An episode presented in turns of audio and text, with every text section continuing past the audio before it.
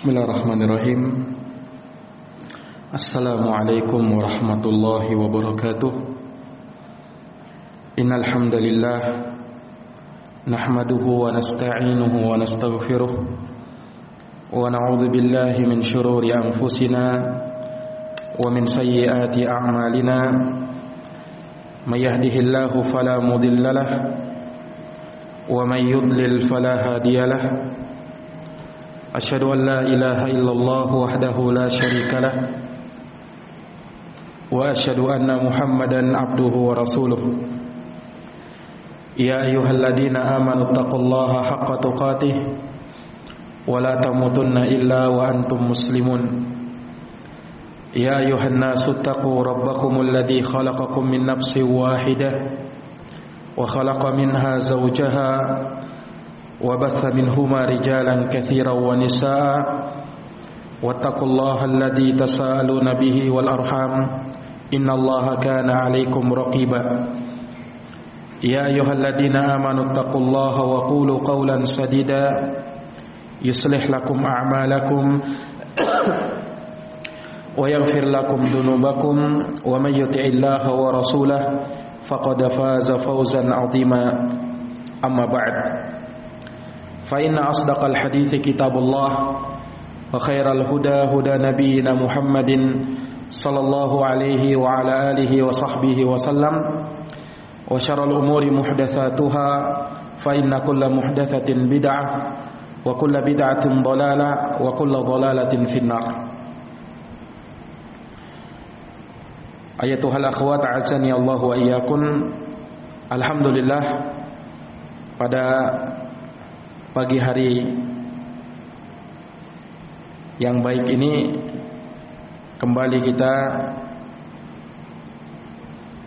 bisa diberikan taufik oleh Allah Subhanahu wa taala untuk melanjutkan kajian dari pembahasan kitab Ar-Rauh war Raihan fi ahkam wa fadail al-masahif membicarakan seputar hukum-hukum dan keutamaan mushaf Al-Quran. Walhamdulillah kita telah sampai pada pembahasan As-Sahihul Musnad fi Fadhailil Quran.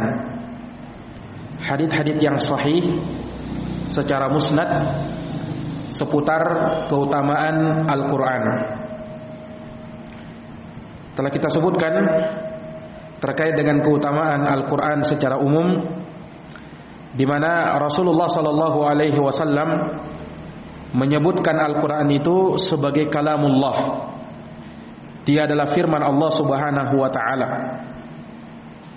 Maka Allah menyandarkan namanya kepada Al-Quran yang disebut dengan kalamullah. Dan tentunya penyandaran yang seperti ini adalah penyandaran untuk memuliakan. Karena Al-Quran itu adalah mulia. Dan ketika Al-Quran disebut sebagai kalamullah, firman Allah subhanahu wa ta'ala, maka keutamaannya dibandingkan dengan ucapan-ucapan yang lain, ucapan Allah, kalau mau dibandingkan dengan ucapan-ucapan yang lain, itu seperti perbandingan antara keutamaan dan kemuliaan Allah dibandingkan dengan seluruh makhluknya. Tentu tidak bisa dibandingkan akan keutamaan dan kemuliaan Allah Subhanahu wa taala. Demikian pula keutamaan dan kemuliaan firman atau ucapannya Allah dibandingkan dengan ucapan-ucapan yang lain dari kalangan makhluknya. Nah, oleh karenanya telah datang pula hadis Nabi sallallahu alaihi wasallam bersabda, "Fadlullahi 'alal kalami ka fadlillahi 'azza wa jalla 'ala ibadihi." Keutamaan Al-Qur'an yang merupakan ucapan atau firman Allah dibandingkan dengan yang lainnya itu seperti keutamaan Allah Subhanahu wa taala dari seluruh hamba-hambanya. Dari seluruh hamba-hambanya. Naam. Dan juga telah kita sebutkan bahwasanya Al-Qur'an merupakan sebaik-baik ucapan, sebaik-baik pembicaraan, sebaik-baik hadis. Ananya Rasulullah sallallahu alaihi wasallam selalu mengulang di dalam khutbahnya beliau mengatakan fa inna khairal hadithi kitabullah. Sesungguhnya sebaik-baik ucapan, sebaik-baik pembicaraan adalah firman Allah Subhanahu wa taala. Nah, dan juga Nabi mempermisalkan orang yang membaca Quran dengan orang yang tidak membaca Quran. Orang yang membaca Quran itu seperti buah utrujah yang rasanya manis, baunya harum. Adapun orang yang tidak membaca Quran, maka perumpamaannya seperti buah kurma. Rasanya manis tapi tidak ada bau harumnya. Itu orang mukmin yang membaca dan tidak membaca Quran. Adapun orang fajir yang membaca Quran seperti buah roihana, dia fajir, tapi dia membaca Quran. Perumpamannya seperti buah roihana, baunya harum tapi rasanya pahit. Sementara orang fajir yang tidak membaca Quran, dia sudah fajir dan juga tidak membaca Quran, maka seperti buah hamdalah, rasanya pahit dan tidak ada bau wanginya. Nah, ya kita perhatikan bagaimana keutamaan orang yang membaca Quran akan tetap ada walaupun yang membacanya adalah orang-orang fajir. Tetap ada keutamaan dari sisi apa? Pengaruhnya memunculkan bau yang wangi. Sekalipun dia pahit rasanya karena kefajiran yang ada pada dirinya. Dalam sebagian riwayat, dialah orang-orang munafik yang membaca Quran dan yang tidak membaca Al-Quran. Nah, dan juga hadis yang sudah sering kita dengarkan di mana Rasulullah mengatakan khairukum man ta'allama al-Qur'ana wa 'allamah. Sebaik-baik kalian adalah yang mengajarkan Quran dan yang yang mempelajari Quran dan yang mengajarkan Al-Quran. Sebaik-baik manusia di sisi Allah adalah yang mengajarkan Quran dan yang mempelajari Al-Quran. Nah, sampai di sini telah kita bahas kemarin. Kemudian kata Syekh rahimahullahu taala wa hafizahullahu taala pada halaman 32 beliau mengatakan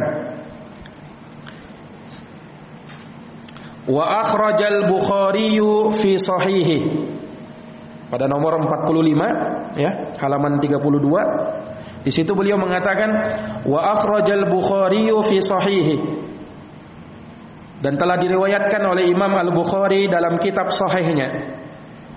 Wa qala Al-Laits dan berkata Imam Al-Laits, Al-Laits Ibnu Sa'ad, haddatsani Yazid Ibnu Al-Had telah menceritakan kepadaku Yazid Ibnu Al-Had. Ini beliau membacakan sanatnya jalur periwayatan. An Muhammad bin Ibrahim dari Muhammad bin Ibrahim an Usaid ibn Khudair. Dari Usaid ibn Khudair qala beliau berkata Usaid bin Khudair adalah salah seorang sahabat dari sahabat Nabi sallallahu alaihi wasallam yang mulia. Beliau mengatakan bainama huwa ketika beliau yaqra membaca minal lail di malam hari surat al-baqarah apa yang beliau baca? Surat Al-Baqarah. Surat Al-Baqarah.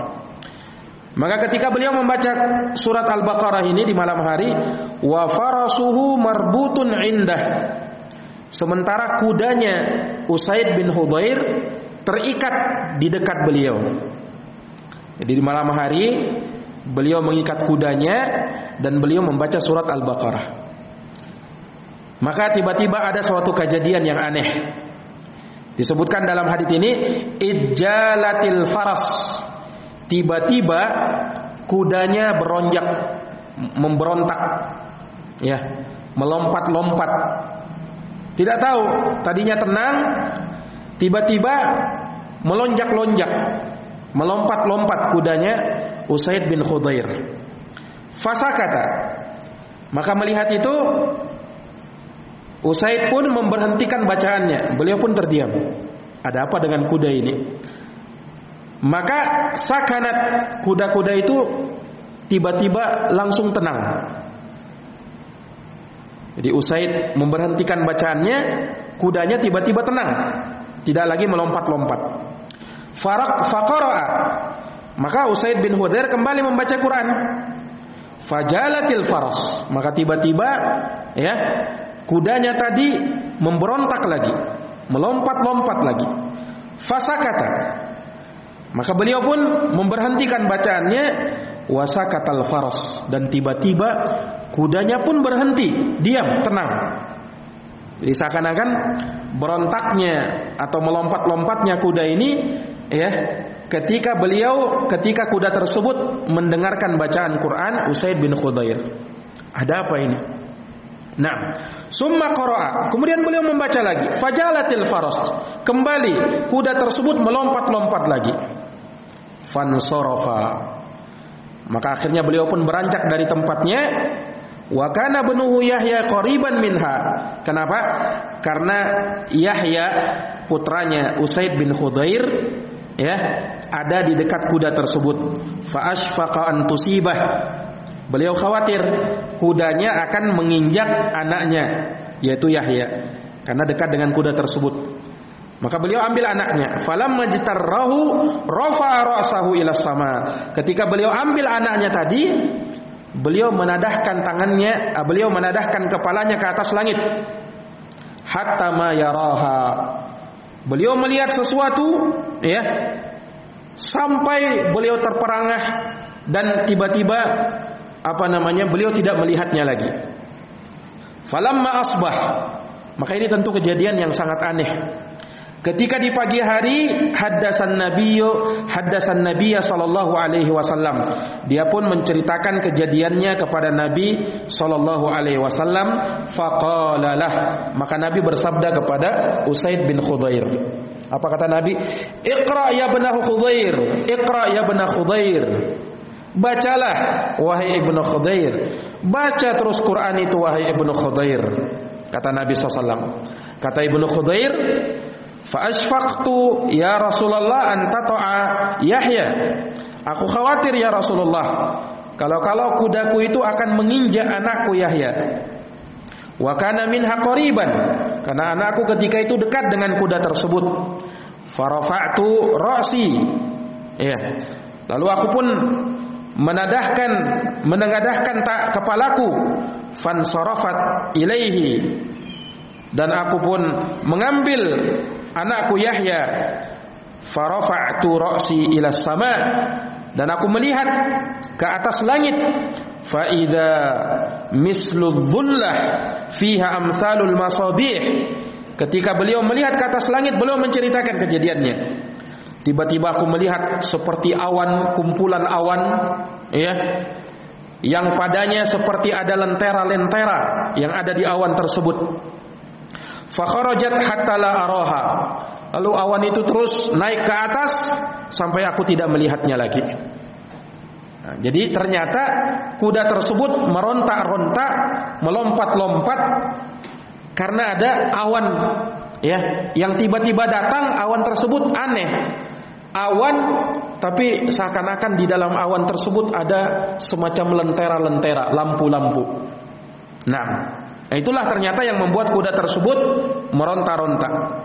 Nah maka beliau pun bertanya apa ini? Kejadian apa ini ya Rasul Rasul mengatakan, "Wa tadri madzaka?" Tahukah kamu apa itu wahai Usaid bin Khudair? Qala la. Beliau mengatakan saya tidak tahu ya Rasulullah. Qala maka Rasulullah mengatakan, "Tilkal malaikah." Itu adalah para malaikat. Jadi kata Nabi, itu adalah para malaikat. Danat li sautika. Kenapa? Malaikat tersebut hendak mendekati suaramu ingin mendengarkan suara bacaan lantunan Qur'anmu. Kata Nabi sallallahu alaihi wasallam, "Walau qara'ta la asbahat yanzurun nasu ilaiha la tatawara minhum." Seandainya kau terus membacanya sampai pagi, niscaya manusia akan mampu melihatnya dengan jelas. Iya, niscaya manusia akan mampu melihatnya dengan sangat jelas. Subhanallah. Ini menunjukkan betapa mulianya orang yang membaca Quran itu. malaikat akan senang dengannya. Dah bahkan malaikat akan dekat dengan orang tersebut. Malaikat akan sangat dekat dengan orang tersebut. Ya karena sukanya malaikat Allah Subhanahu wa taala dengan lantunan-lantunan ayat suci Al-Qur'an. Ini keutamaan tentunya bagi orang-orang yang membaca Al-Qur'an dengan baik. Naam Qala Ibnul Had berkata Ibnul Had wa haddatsani hadzal hadis Abdullah ibnu Khabbab telah menceritakan kepadaku hadis ini Abdullah ibnu Khabbab. Jadi Abdullah ibnu Khabbab telah menceritakan kepadaku hadis ini. An Abi Sa'id al-Khudri dari hadis Abu Sa'id al-Khudri Sa'ad bin Malik bin Sinan. An Usaid ibn Khudair dari Usaid bin Khudair ya. Wa huwa inda muslim min tariq tsani ya. Dan hadis ini diriwayatkan oleh Imam Muslim dari jalan yang kedua. Ya. Dari jalan yang kedua kedua. Nah. Jadi dari hadis ini jelas ya menunjukkan betapa mulianya orang-orang yang membaca Al-Qur'an itu di mana malaikat akan senang dengannya, akan dekat dengannya dan tentunya malaikat ketika turun dia akan membawa rahmat Allah Subhanahu wa taala. Baik. Kemudian pada halaman yang berikutnya, halaman yang ke-33 pada poin yang ke-46 kata beliau wa akhraja muslimun dan dalam hadis riwayat Imam Muslim fi sahih di dalam kitab as-sahih Haddatsani Al-Hasan ibnu Ali Al-Hulwani telah menceritakan kepadaku kata Imam Muslim Al-Hasan bin Ali Al-Hulwani.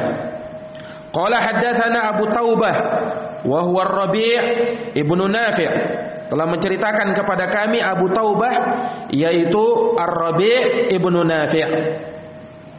Qala haddatsana Muawiyah Beliau berkata telah menceritakan kepada kami Muawiyah yakni Ibnu Sallam.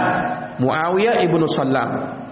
An Zaid dari Zaid annahu sami'a Abu Salam yaqul bahwa beliau mendengar Abu Salam berkata Haddatsani Abu Umamah Al-Bahili telah menceritakan kepadaku sahabat Nabi yang bernama Abu Umamah Al-Bahili. Qala beliau berkata Sami'tu Rasulullah sallallahu alaihi wasallam yaqul.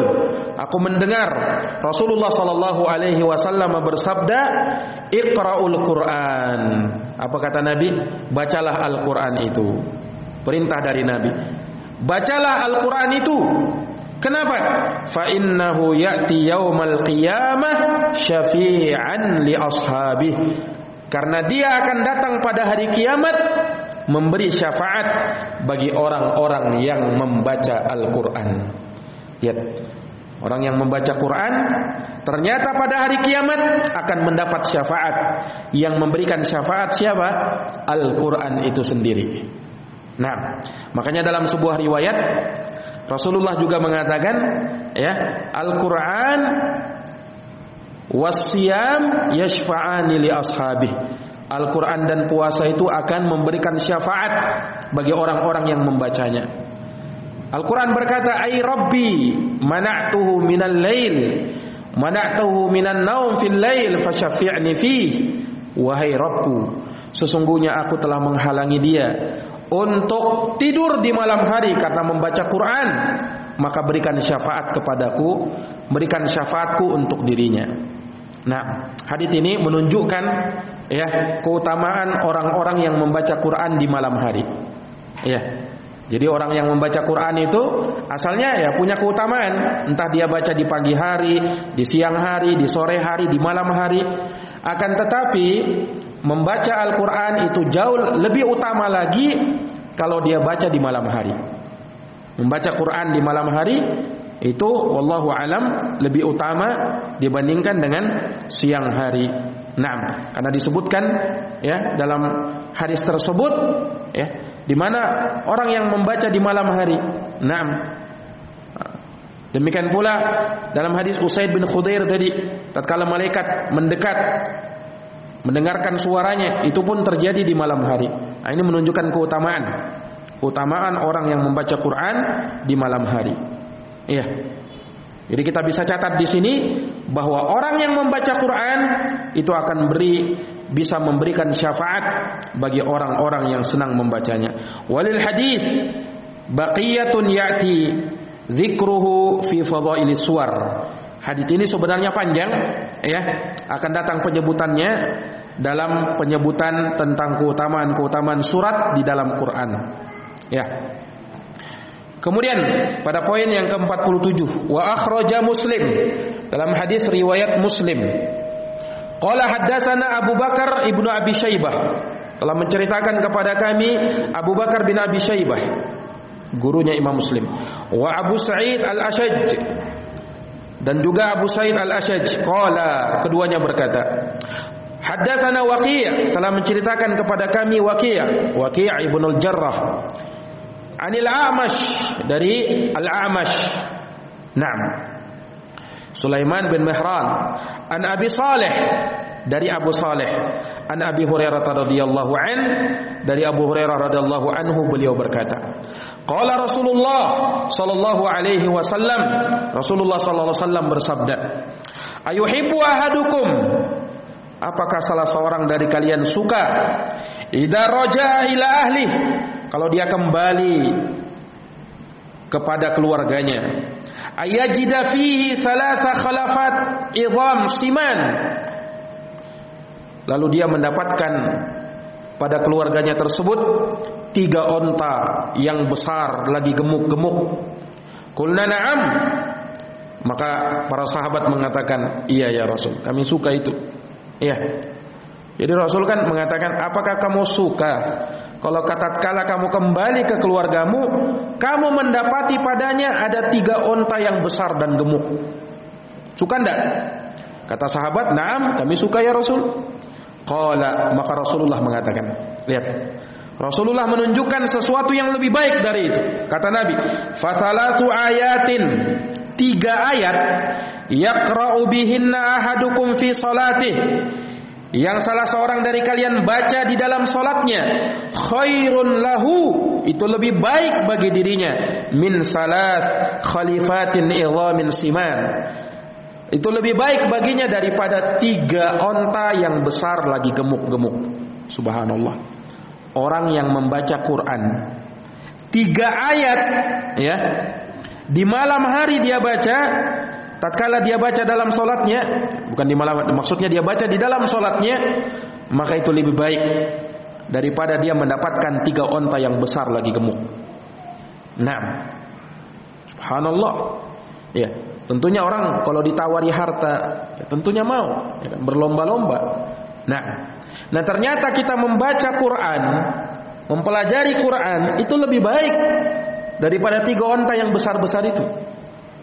Nah, hanya terkadang kan manusia itu baru mau sadar ketika ada sesuatu yang berada di hadapannya. Kalau ini kan baru janji. Apa yang Allah firmankan, apa yang Rasulullah sabdakan, itu kan baru janji. Nanti betul-betul kita rasakan, kita dapatkan kalau kita sudah meninggal dunia, pahalanya. Ya kan? Beda dengan dunia, memang yang langsung dirasakan. Makanya orang lebih tertarik, lebih bersemangat terhadap perkara dunia ketimbang perkara akhir akhirat. Ya, akan tetapi orang-orang yang percaya dengan janji Allah Subhanahu wa taala mendengarkan hal yang seperti ini, ya tentunya tambah bersemangat dia di dalam mempelajari, membaca Al-Qur'anul Karim. Nah. Kemudian wa akhraja Ibnu Majah juga dalam hadis riwayat Ibnu Majah. Qala haddatsana Abu Bakar Ibnu Abi Syaibah. Beliau mengatakan menceritakan kepada kami Abu Bakar bin Abi Syaibah wa Ali ibnu Muhammad dan Ali bin Muhammad qala keduanya berkata haddatsana Waqi' telah menceritakan kepada kami Waqi' terus ya, sampai ya dari sahabat Abu Hurairah dan dibacakan hadis yang sama seperti yang tadi kita dengarkan. Nah, Kemudian berikutnya. Pada nomor poin yang ke-48 wa akhraja muslimun. Dalam hadis riwayat Imam Muslim. Qala haddatsana Abu Bakar ibnu Abi Syaibah. Telah menceritakan kepada kami Abu Bakar bin Abi Syaibah qala haddatsana Al-Fadl ibnu Dukail telah menceritakan kepada kami Al-Fadl Ibnu Dukain An Musa ibnu Ali, An Musa ibni Ali. Dari Musa bin Ali, qala beliau berkata, Sami'tu abi telah, telah aku telah mendengarkan bapakku yuhaddits telah menyebutkan suatu hadis menceritakan suatu hadis an Uqbah bin Amir. Dari Uqbah bin Amir Uqbah bin Amir sahabat Nabi. Qala beliau berkata, kharaja Rasulullah sallallahu alaihi wasallam, Rasulullah SAW pernah keluar wa nanu fi suffah. Ketika itu kami berada di suffah. Suffah itu artinya tempat para sahabat ya. Tempat penampungan para sahabat yang belum punya rumah. Nah, biasa di apa namanya? Ditampung di suatu tempat yang disebut dengan suffah. Nah, Makanya disebut dengan ahlu sufah. Orang-orang yang tinggal di emperan-emperan masjid. Para sahabat yang tidak punya rumah, ya, nah, biasa mereka tinggal di situ. Nah, nah, jadi ketika itu kata Uqbah bin Amir, Nabi keluar, kami sedang berada di sufah, faqala, maka Nabi bersabda, Ayyukum siapa di antara kalian yuhibbu Siapa di antara kalian yang suka ayat dua kulla yaumin dia pergi ya di pagi hari di setiap hari ila buthan atau ila aqiq ke tempat ya yang namanya buthan atau aqiq suatu nama tempat di sana. Naam. Fayati minhu binaqatain qumawain. Lalu dia datang membawa dua onta yang besar fi ghairi ithmin wala qat wala qat'i rahmin. Dia dapatkan itu tanpa melakukan dosa dan tanpa memutus silaturahim. Siapa dia di antara kalian yang suka ya ketika dia pergi ke suatu tempat setiap hari dia selalu membawa dua onta yang besar-besar. Dia dapatkan itu bukan mencuri bukan merampok. Tidak ada dosa dan tidak memutuskan tali silaturahim Siapa ya antara kalian yang suka? Maka sahabat mengatakan faqulna ya Rasulullah nuhibbu dzalik. Ya Rasulullah kami suka tentunya hal tersebut. Qala maka Rasulullah mengatakan boleh mengatakan hal yang lebih baik daripada itu. Apa kata Nabi? Afala yaqdu ahadukum Tidakkah salah seorang dari kalian pergi di pagi hari ilal masjid dia pergi ke masjid faya'lam maka dia mempelajari. Au yaqra atau membaca ayataini min kitabillah. Dua ayat dalam kitabullah azza wa jalla. Dia lakukan yang seperti itu. Khairun lahu. Itu lebih baik bagi dirinya. Min naqatain daripada dua onta dua ayat yang dia baca lebih baik daripada dua onta Wasalah tiga ayat yang dia pelajari yang dia baca khairun lahu min salat lebih baik daripada dia mendapatkan tiga ontak. Wa arba khairun lahu min arba. Empat ayat dia baca lebih baik daripada empat ontak. Wa min a'dadihinna minal ibil. Dan sebanyak ayat yang dia baca, ya, kalau lima ayat, sepuluh ayat lebih baik daripada sepuluh ontak. Dua puluh ayat dia baca lebih baik daripada dua puluh ontak. Terus sampai kelipatan kelipatannya. Subhanallah. Nah, Kira-kira kalau dia semakin banyak membaca ayat-ayat, berapa banyak onta yang dia dapatkan? Bahkan lebih baik daripada itu semuanya. Bahkan lebih baik daripada itu semuanya. Nah, ya, dunia tidak bisa dibandingkan dengan pahala akhir akhirat.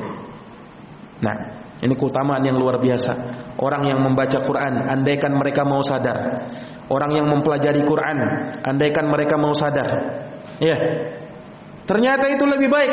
Sekarang, masya Allah orang bersemangat untuk bagaimana bisa mencari harta dunia, yang mengejar supaya bisa dapat ini dan itu. Tapi ternyata, subhanallah, yang ada di dalam kita mempelajari agama Allah, mempelajari Quran, itu lebih baik daripada itu semua. Itu lebih baik daripada itu semua. Nah, walaupun tentu saja ya bukan artinya kita dilarang untuk mencari harta. Nah, tidak. Ya, seorang juga dianjurkan akan tetapi hendaknya sadar. Jangan sampai kita sibuk bekerja, sibuk berusaha, ya akhirnya lupa dengan kita mempelajari apa yang harus dan wajib kita pelajari. Sudahkah bagus bacaan Quran kita? Sudahkah kita mentadaburi Quran? Sudahkah kita membaca Quran hari ini? Ya, jangan sampai kita belum sama sekali membaca Quran. Ya, padahal itu kalau kita mau lihat ternyata itu lebih baik daripada harta dunia. Nah, ini para akhwat, a'azani Allahu wa iyyakum. Kemudian kata beliau, wa akhraja Abu Daud dalam hadis riwayat Abu Daud, haddatsana Sulaiman bin Daud Al-Mihri telah menceritakan kepada kami Sulaiman bin Daud Al-Mihri. Qala haddatsana Ibnu Wahab telah menceritakan kepada kami Ibnu Wahab qala haddatsana Musa Ibnu Ali Ibnu Rabah telah menceritakan kepada kami Abu uh, Musa bin Ali bin Rabah sama dengan hadis yang tadi di atas. Kemudian pada poin yang ke-49, wa akhraja Ibnu Abi Syaibah fil Musannaf. Dalam hadis riwayat Ibnu Abi Syaibah dalam kitabnya Al-Musannaf, bi sanadin sahihin dengan sanad yang sahih an Abdullah bin Mas'ud radhiyallahu an dari sahabat Abdullah bin Mas'ud, semoga Allah meridhoinya beliau berkata, beliau menyampaikan sabda Nabi sallallahu alaihi wasallam, "Ta'allamul Qur'an." Ya, atau dari ucapan beliau. Dari ucapannya sahabat Ibnu Mas'ud. Ta'allamul Quran. Pelajari Quran kata beliau. Fa innahu yaktub bi kulli harfin minhu asyra hasanat. Karena akan dituliskan untuk setiap huruf dari Quran tersebut yang kamu pelajari ada 10 kebaikan. Wa yukaffir bihi asyra sayyiat. Dan akan dihapuskan darinya 10 kesalahan keutamaannya. Ama inilah akul.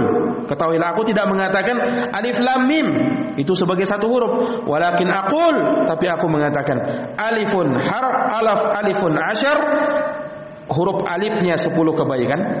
Walamun ashar huruf lamnya sepuluh kebaikan. Wa mimun ashar dan huruf mimnya sepuluh kebaikan. Subhanallah. Ya. Jadi kalau baca alif lam mim sudah tiga puluh kebaikan. Nah, bagaimana kalau dia baca-baca terus baca Quran terus berapa kebaikan yang dia dapatkan? Subhanallah. Dilipat gandakan menjadi 10 kebaikan. Nah, wahada dan ini qad ikhtalafa fi waqfihi wa raf'ihi. Para ulama berselisih pendapat apakah hadis ini mauquf hanya ucapannya uh, Ibnu Mas'ud atau marfu sampai kepada Nabi. Wal asah al waqfu. Yang sahih bahwa hadis ini mauquf ucapannya Ibnu Mas'ud saja. Ma'al qawli birrafa hukman. Akan tetapi kita katakan Ini memang hadis mauqub Bukan ucapan Nabi Ucapan sahabat. Tapi dia dihukumi Sebagai hadis marfu. Jadi marfu hukman. Kenapa? Karena hadis yang seperti ini tidak mungkin diucapkan oleh sahabat ya. Berdasarkan ijtihadnya tidak. Ini karena berkaitan dengan pahala, tidak mungkin para sahabat mengucapkan hal yang sembarangan. Ya, pasti dia pernah dengarkan dari Nabi Shallallahu Alaihi Wasallam. Nah, dan terbukti memang ada hadis ya yang semisal dengan ini dari ucapannya Nabi sallallahu alaihi wasallam nanti akan datang penyebutannya. Nah, tapi pada poin yang ke-50 wa akhraja Ibnu Waddah fil bid'ah wan nahyu anha. Telah meriwayatkan Ibnu Waddah dalam kitab Al Bid'ah wan Nahyu anha min tariq Asad ibnu Musa. Dari jalan Asad bin Musa an Sufyan ibnu Uyainah. Dari Sufyan bin Uyainah an Hilal al-Wazzan. Dari Hilal al-Wazzan qala beliau berkata haddatsana Syekhun al-Qadim Abdullah ibnu Uqaim telah menceritakan kepada kami syekh kami guru kami al-Qadim Abdullah ibnu Uqaim an Umar dari sahabat Umar annahu kana yaqul bahwasanya Umar mengatakan Asdaqul qil sebaik-baik ucapan qilullah adalah ucapannya Allah. Wa inna ahsanal haji haji Muhammadin sallallahu alaihi wasallam dan sesungguhnya sebaik-baik petunjuk adalah petunjuknya Muhammad sallallahu alaihi wasallam. Wa sanaduhu hasan. Hadis ini sanadnya hasan. Baik. Wa huwa indal Bukhari binahwih dan dua hadis ini sebenarnya diriwayatkan pula oleh Imam Al Bukhari, semisalnya dari Ibnu Mas'ud, an Ibnu Mas'ud radhiyallahu an, annahu kana yakhutub asyiyata kulli khamis. Bahwa beliau pernah berkhutbah di setiap sore hari Kamis. Fakana mimma yaqul dari apa yang beliau ucapkan apa asdaqul qaul qaulullah. Sejujur-jujurnya ucapan adalah ucapannya Allah. Wa ahsanul hadi hadi Muhammadin sallallahu alaihi wasallam dan sebaik-baik petunjuk adalah petunjuknya Muhammad sallallahu alaihi wasallam.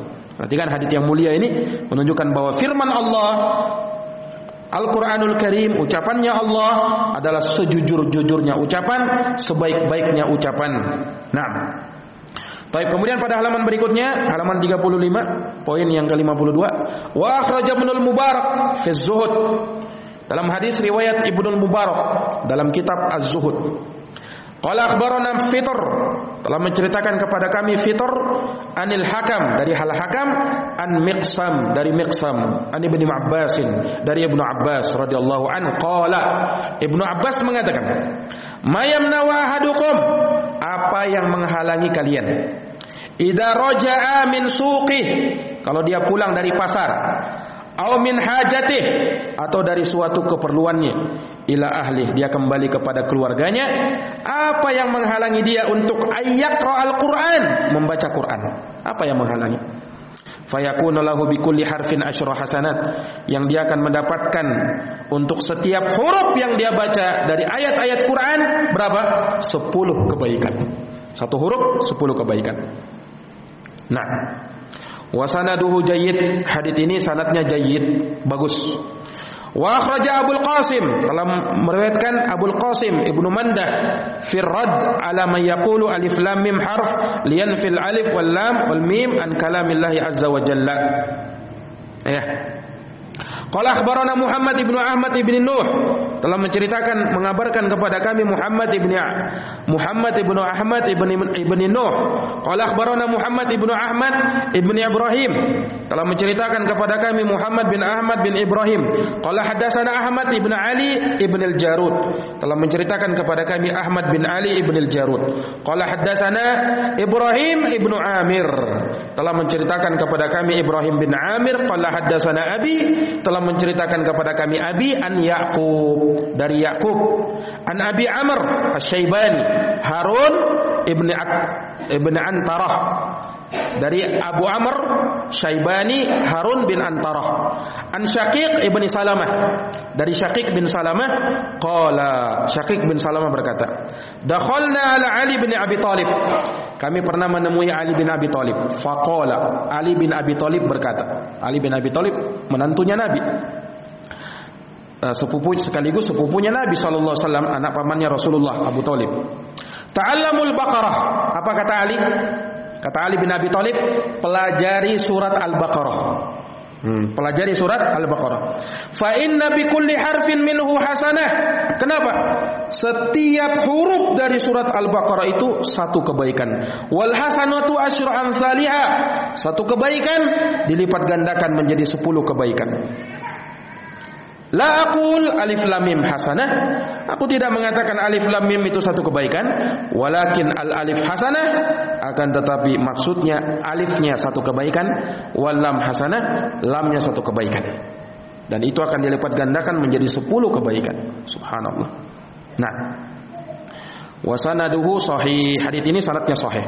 Kemudian yang terakhir, poin yang ke-54, akhraja Abdullah ibnu Ahmad fi sunnah dalam hadis riwayat Abdullah bin Ahmad, anaknya Imam Ahmad, dalam kitab As-Sunnah. Wal Ajurri fi Syariah. Dan juga Imam Al-Ajurri dalam kitab As-Syariah. Wal Lalakai. Dan juga Imam Al-Lalakai min tariq Mansur. Dari jalan Mansur an Hilal ibn Yasaf. Dari Hilal bin Yasaf an Farwa ibn Naufal. Dari Farwa bin Naufal qala akhadha Khabbab ibn al-Arq Ya, beliau mengatakan Khabbab Ibn al-Arq radhiyallahu anhu akhadha biyadi. Pernah memegang tanganku. Faqala apa kata Khabbab Ibn al-Arq? Khabbab Ibn al-Arq sahabatnya Nabi. Kata Khabbab Ibn al-Arq ya hana wahai kamu taqarrab ila Allah taala bimastata'ta lakukan takarrub pendekatan diri kepada Allah semampumu Lakukan pendekatan diri kepada Allah, takarrub kepada Allah. Semampu kamu. Fa innaka karena sesungguhnya kamu lasta tataqarrab ilaihi bi syai'in ahabbu ilaihi min kalamih. Sesungguhnya kamu tidaklah mendekatkan diri dengan sesuatu apapun kepada Allah yang lebih Allah cintai daripada ya melebihi kecintaan Allah ketika kamu membaca firman-Nya Allah yaitu Al Al-Qur'an. Wa sanaduhu sahih. Hadis ini sanadnya sah sahih. Menunjukkan bahwasanya di antara bentuk takarrub kepada Allah Subhanahu wa taala yang paling dicintai oleh Allah adalah dengan kita membaca Al Al-Qur'an. Ini keutamaan luar biasa orang-orang yang membaca Al-Qur'an itu ya, orang-orang yang mempelajari Quran, orang-orang yang mengajarkan Quran, keutamaannya luar biasa. Oleh karenanya jangan semangat, jangan luntur semangat kita untuk terus dan terus mempelajari Al-Qur'an itu entah itu dari sisi bacaannya, tajwidnya, tafsirnya, ya, bagaimana kita bisa merenunginya, mentadaburinya. Kenapa? Hal tersebut adalah suatu kebaikan yang yang besar di sisi Allah Subhanahu wa taala. Telah didengarkan bagaimana keutamaan-keutamaan orang yang membaca Quran tersebut. Nah, wallahu taala alam bisawab. Insyaallah taala di pertemuan yang akan datang kita akan masuk pada pembahasan As-Sahihul Musnad fi Fadhailis Suwar wal Ayat hadis-hadis sahih tentang keutamaan surat-surat dalam Quran dan ayat-ayat dalam Quran. Kalau tadi keutamaan Quran secara umum, nah pada pembahasan berikutnya akan disinggung tentang keutamaan surat-surat tertentu dalam Quran. Keutamaan ayat-ayat tertentu dalam Quran yang disebutkan keutamaannya oleh Nabi sallallahu alaihi wasallam akan kita singgung insyaallah taala di pertemuan yang akan datang. Allah taala alam bisawab. Demikian apa yang bisa kita ajarkan di pertemuan kita di pagi hari ini mudah-mudahan bermanfaat bagi kita semuanya. Semoga Allah memberikan pahala yang banyak dan besar kepada kita hadirnya kita di majlis yang mulia ini. Semoga Allah Subhanahu wa taala mengampuni dosa-dosa kita dan merahmati serta menurunkan berkahnya kepada kita. Amin ya rabbal alamin. Demikian kita akhiri dengan doa kafaratul majlis. Subhanakallahumma bihamdika asyhadu an la ilaha illa anta astaghfiruka wa atubu ilaik. Walhamdulillahi rabbil alamin. Wassalamu alaikum warahmatullahi wabarakatuh.